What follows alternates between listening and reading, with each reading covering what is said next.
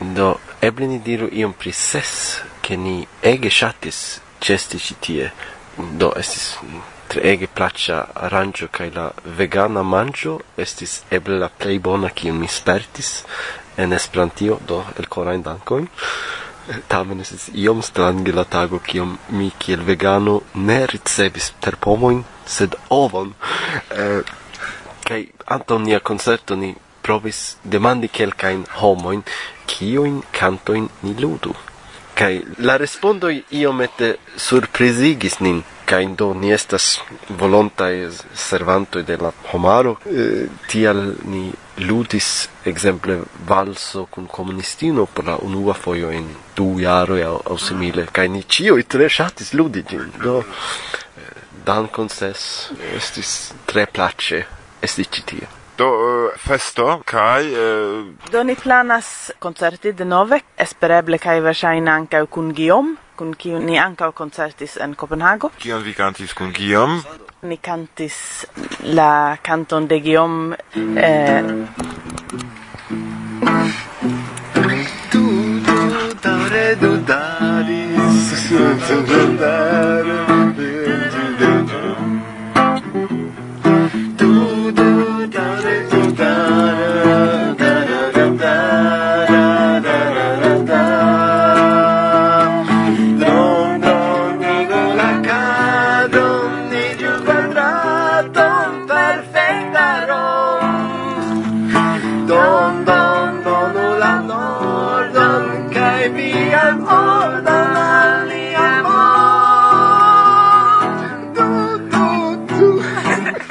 Io pli moderna versio de Dudu. Ec placis al vi fakte la cantoi qui presentas Guillaume? Yes, multe. Ni unue rencontis en Harnosando kai tie ludis kune. Do ni ludis Dudu kai...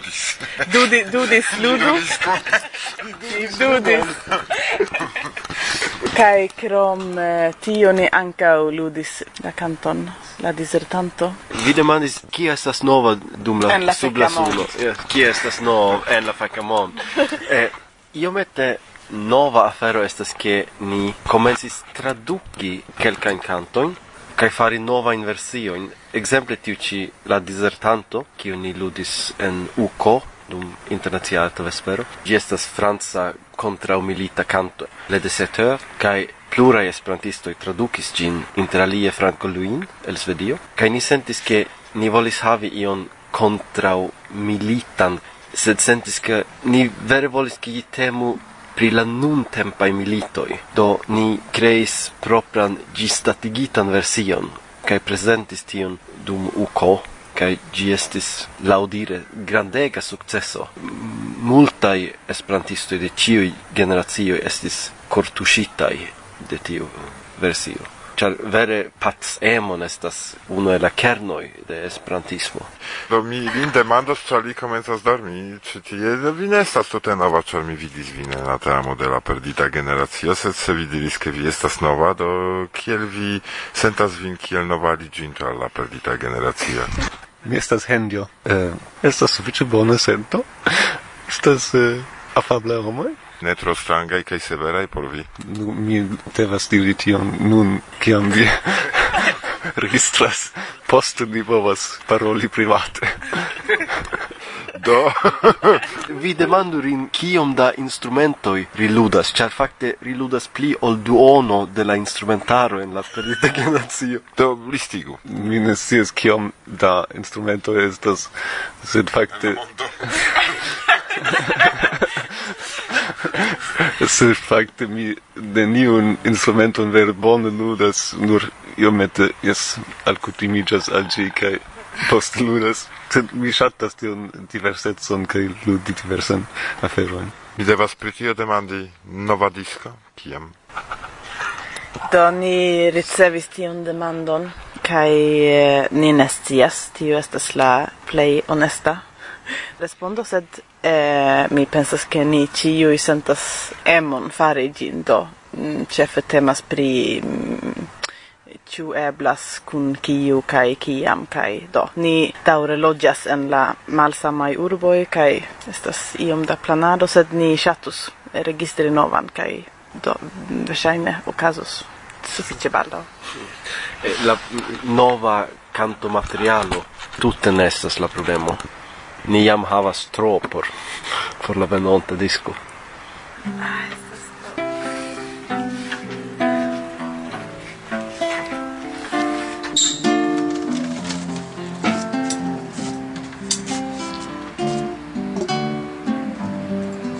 Signora President, mi scribas vin letteron vi prenu en consideron, la vortojn tie ci ricevis mi ordonon en iri l'armeon akcepti la ideon che mole bombas ni. Signoro President, mi amal volas vere, ne pasciu mi sur vespere porie sain concer tro longan tempon iam Ver forton indelogis tro longe iam mensogis che ni paffas por liber. Ni vidis multe tro da homoi refugintai, familioi disjetintai, exportoi de milit. Suferas la infanoi dum quelcai sin amusas, cae la milito nusas, por nafto cae profit. Kiom da bugrajboj forprenas la animojn, forprenas memestimojn, eĉ rajton esti si. Se sango vin allogas, nu verŝu vian sangon, vi havas altan rangon, do ĝi valorus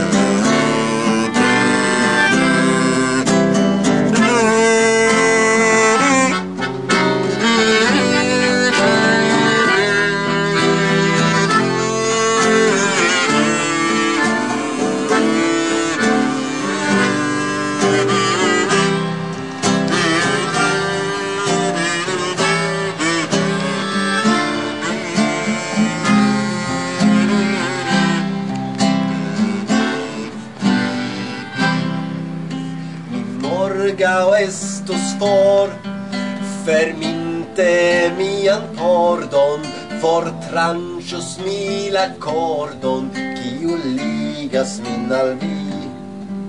Mi svebo super bordoi mi biciclos tra la mondo mi estos vagabondo al cio i cantos vi.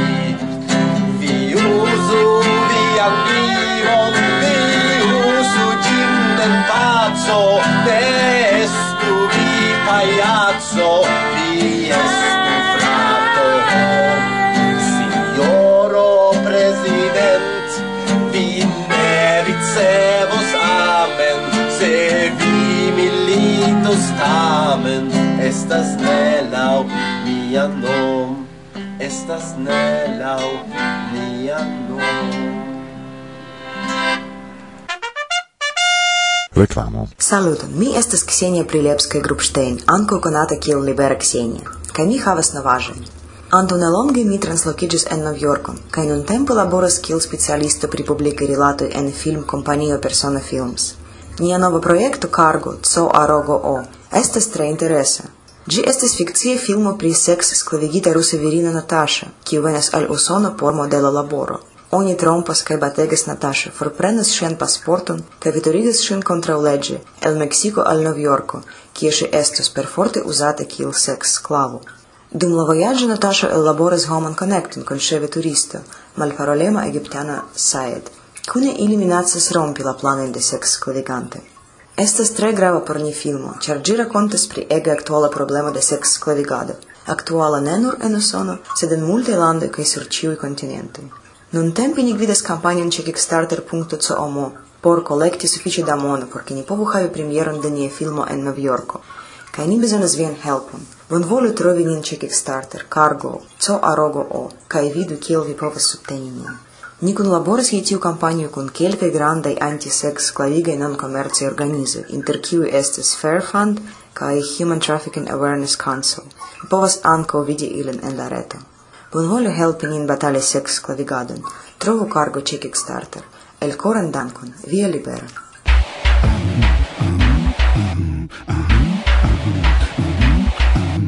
Varsovia vento. La lastai vortoi. Mi tre ŝatus inviti vin ciui al Hernusando iam ein, sed ehm, certe dum oranĝa renkontiĝo, cio ocasus la sepan la nauan de octobro kai vi estos ancau bonvena e partopreni la antau au kai la post congresso kiu en havas eh, fungu captadon eh, kun Simono. Do mi shatus iam eh, ver sperti veren varsovian venton. Do espereble cis iam en varsovia Alla stanchi vi, signor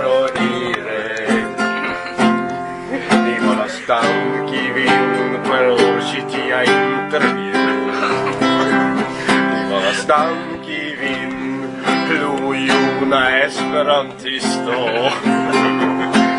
Mi volas danki vin nun iu kaj diboĉu plu.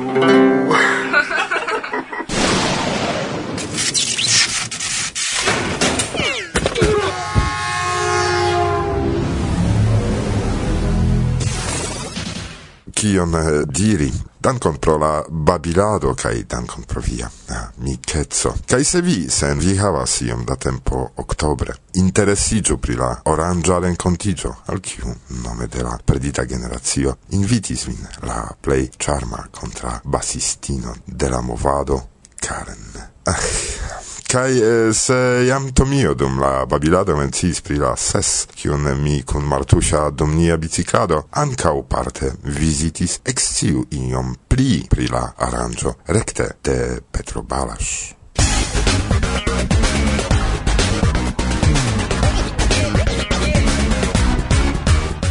Unu du tri en bela loco partizanske ni renkontiĝas kun ĉeforganizanto de ses la Somera Esperanto. Studado.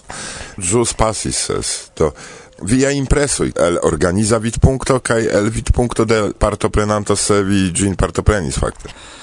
Uh, verdire mi estas tre contenta ciare pri la aranjo. Videblas espereble che ankaŭ ni kiel teamo de organizantoi lernas kaj spertiĝas pri la aranjo, cer ni pli kaj pli conscias pri tio kion homoi desiras kaj provas solvi ciuneblain eblajn problemojn kiu estas antaŭvideblaj jam anticipe. Kaj anka laula de homoj, kiu ni mem demandis au kiu lasis anka anonima in uh, demandarojn post la aranjo shaine videblas, ke ni jes ja progresis kaj estis vere contentai pri la aranjo Ĉu vi povas koncize rakonti pri programo de ses? Do la aranĝo ĉefe celas fakte instrui Esperanton en diversaj lingvoniveloj ekde tutaj komencantoj ĝis la plej spertaj homoj. La aranĝo estas oktaga por ke vere estu sufiĉe da tempo por ke homoj vere foriru hejmen kun multaj spertoj novaj kaj vere progresu en Esperanto. Antaŭ tagmeze okazas ĉiam instruado de Esperanto kai post la tagmanĝa paŭzo sekvas jam diversaj programeroj, eble iom similaj kiel en aliaj Esperanto-aranĝoj, diversaj prelegoj, ekskursoj, manlaboroj kaj tiel plu. kai post vespermanĝo, kiel ankaŭ tradicie, devas ne manki ankaŭ diversaj distraj programoj, plej ofte koncertoj, filmprezentado, eh, internacia vespero, nacia vespero kaj tiel plu novuloi, comenzantoi, progressantoi, lertuloi, kai... Kai la plei alta gruppo effettive venas pro la seminario flugiloi de malfacila vento, kiun ni ocasigas kun labore kun ilei, kai gi igis ja sense jam tradizia parto de la programo, char gi obligas anca al homoi kiu jam vere interesigas pri instruado de Esperanto, kai volas tamen ricevi iom da consiloi, iom da novai spertoi pri tio kiel instrui, kiajn eventuale eraro ne fari, kion eviti, kai plibonigi sian uh, instrusperton, ne diro.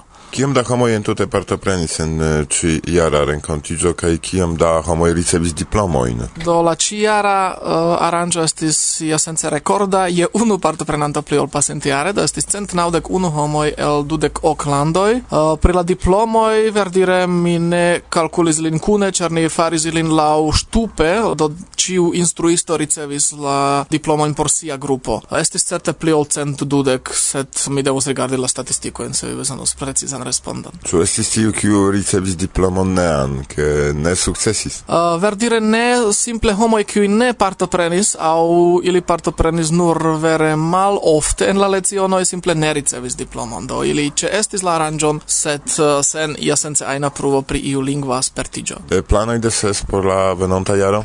Ni dum la aranĝo ĉiare en Nitra estis tre kontentaj kun la loko kaj ni ŝatus fakte ĝin ripeti venontjare en la sama loko. Des pli ke ankaŭ kiel por organizanto estas multe pli facile jam en la konata loko organizi ion, do plej verŝajne la venontjara aranĝo estos eĉ pli bona kaj de organiza vidpunkto kaj de enhava kaj planoj pli longdaŭraj efektive naskiĝas pliaj ideoj pri ni diru kontinentaj sesoj, ĉar dum lastaj semajnoj venis pluraj proponoj kunvenoj de homoj de diversaj landoj kaj kontinentoj kiel ekzemple Aŭstralio, Ĉinio aŭ Brazilo, Meksiko por eventuale organizi aŭ kun organizi kun labore kun landaj asocioj sesojn en aliaj kontinentoj. Ni esperas evolui tiun ideon kaj eventuale plani pli konkrete post sekvaj semajnoj kaj certe ni scios pri la detaloj relative baldaŭ. Mi devas aldoni ke krom junulara gastejo kiu vi ricevos ĉambrojn oni povas tendumi simple kaj pro tio la aranĝono estas multcosta.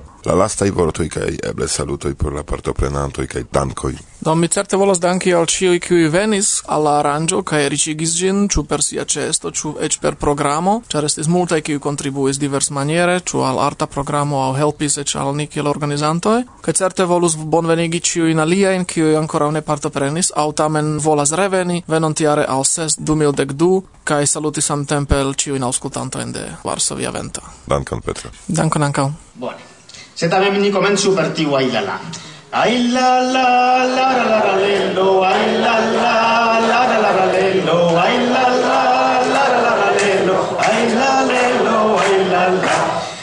Venis mi denove al nitra, mia loiurboia ma, parto prenas mi enses, en cire encontillo fama.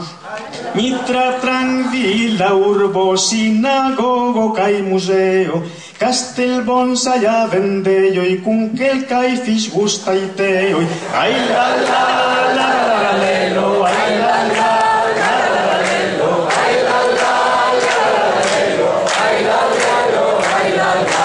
Somer Esperanto studado, instruistoj kai lerniloj, profitu parolu praktiku kai neiju iĝu krokodiloj.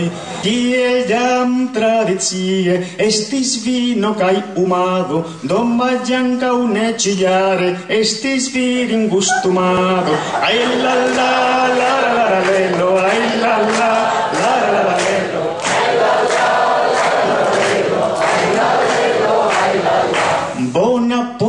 la muziko de slovaka familio, freneza danciga concerto, perdita generacio.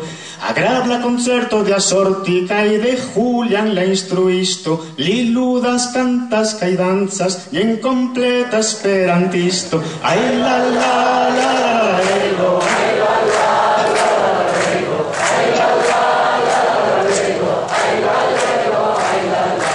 Concerto Planes bona musico ludita, ciu vi ne havas iun canton ne entraino el pensi...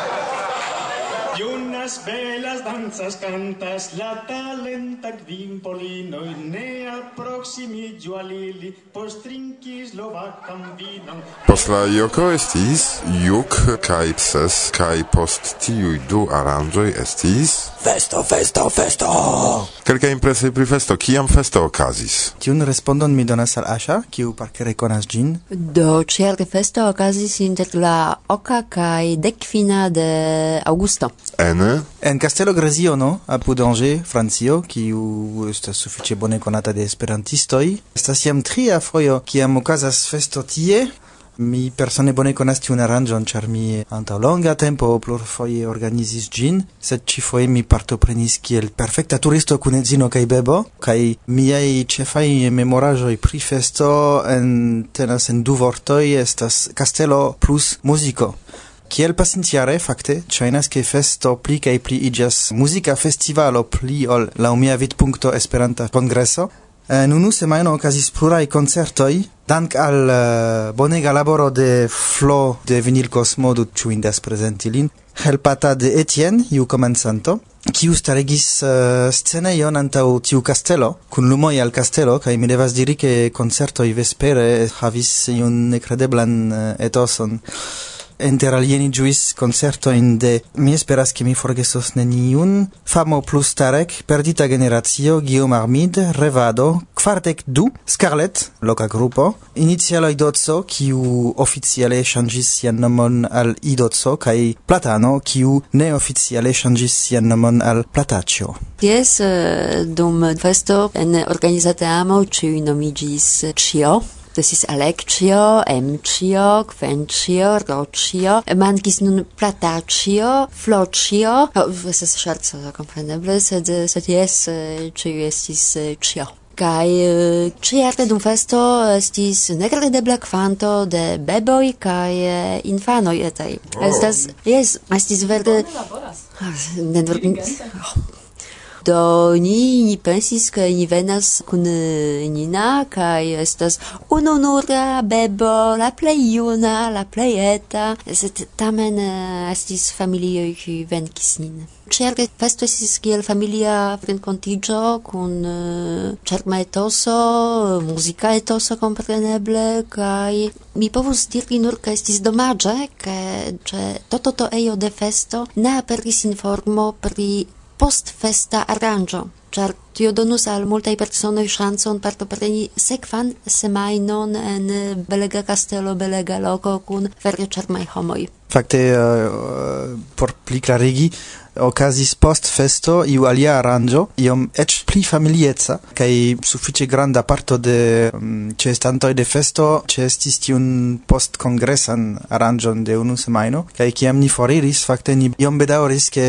ni ne restos por giui pli. Eh, sed eh, niam havis havis reen al laboro. kai por tiuj homoj, kiuj konas castellon Greziono, do povas imagi kiom bela etoso kai charma ĉirkaŭaĵo povas esti tie. Ĉu estis iu vartistino se aperis tiam da familioj kun infano por ke la gepatroj estu almenaŭ por la vesperoj liberaj aŭ la gepatroj mem okupiĝis pri la infanoj? Fakte ne estis tiom da infanoj, tamen restas junulara renkontiĝo kaj ne, do fakte ĉiuj gepatroj eh, laovice zorgis pri infano kaj mi memoras eh, tiuj gepatroj kiuj havis la plej junan bebon estis eh, paro de germanoj kiuj venis automobile kun tri monata bebo kaj mi memoras iun vesperon kun eh, do la patro uh, sidis ĉe koncerto kaj uh, je la dudek tria sonoris vekigilo kaj li prenis vekigilon li rigardis kaj li diris a ah,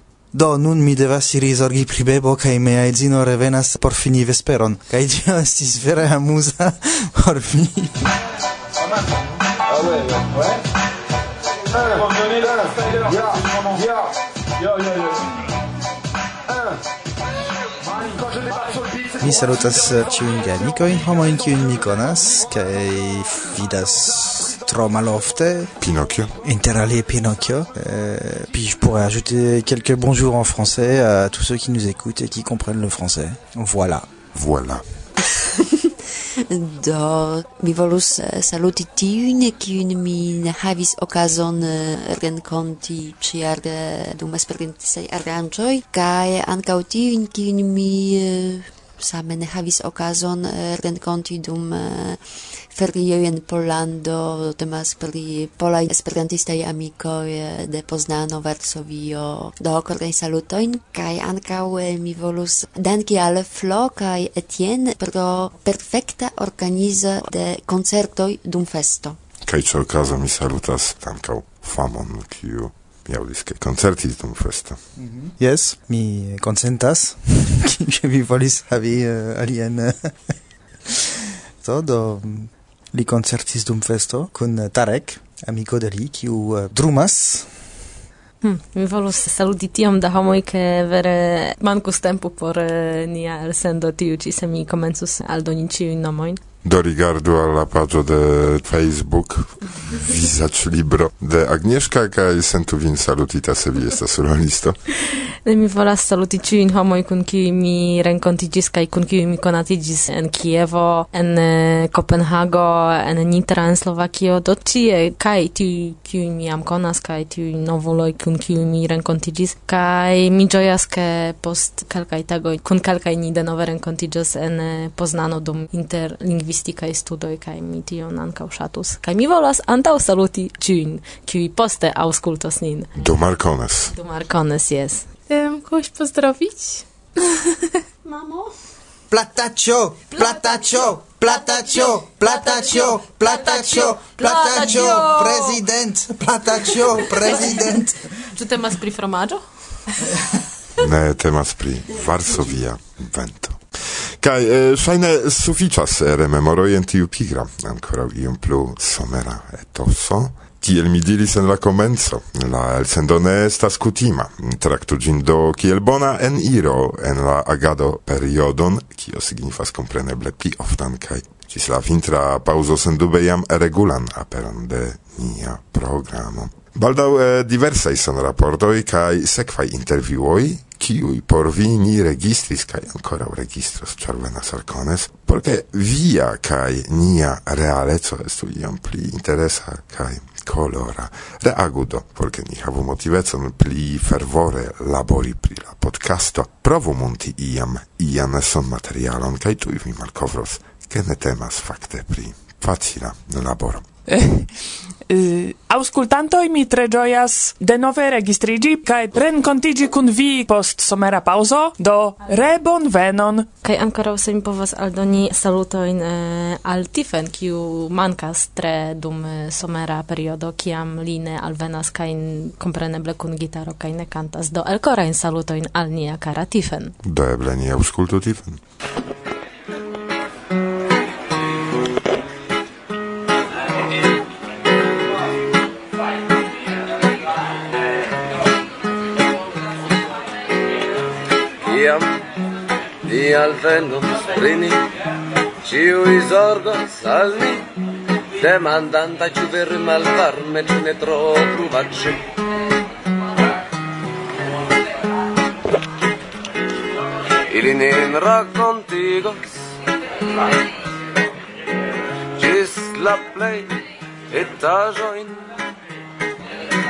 Mangiantai per ora lo in hundon for blindan in avinon kiu gastigis nin la cirsalteia in tranoctoin alle leviĝi e la sessa E la studio de Varsovia vento. Nadia Razwin. Ben. Asia. Goszka Martusia. Kaj Agnieszka. Kaj komprenu Beni Irek. Gisla. Baldała. Reaudo. Czuni dauren moras la vojon.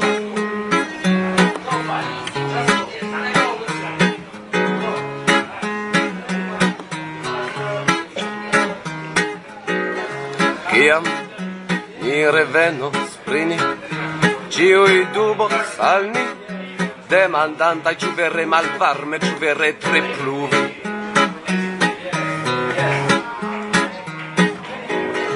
Ili ja nin mocados, tiel crute ne eblas, vi tout simple ne konscia si am trafos in la danger ne ni credo je miser ĉu finfine laboros kaj laboros kaj laboros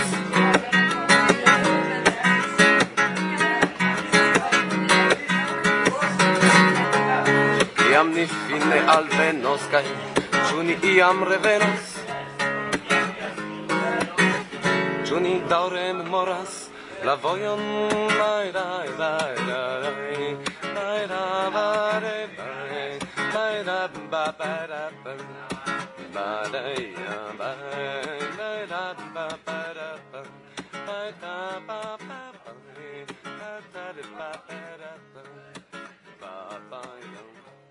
Yam nifin al venos yam revenos.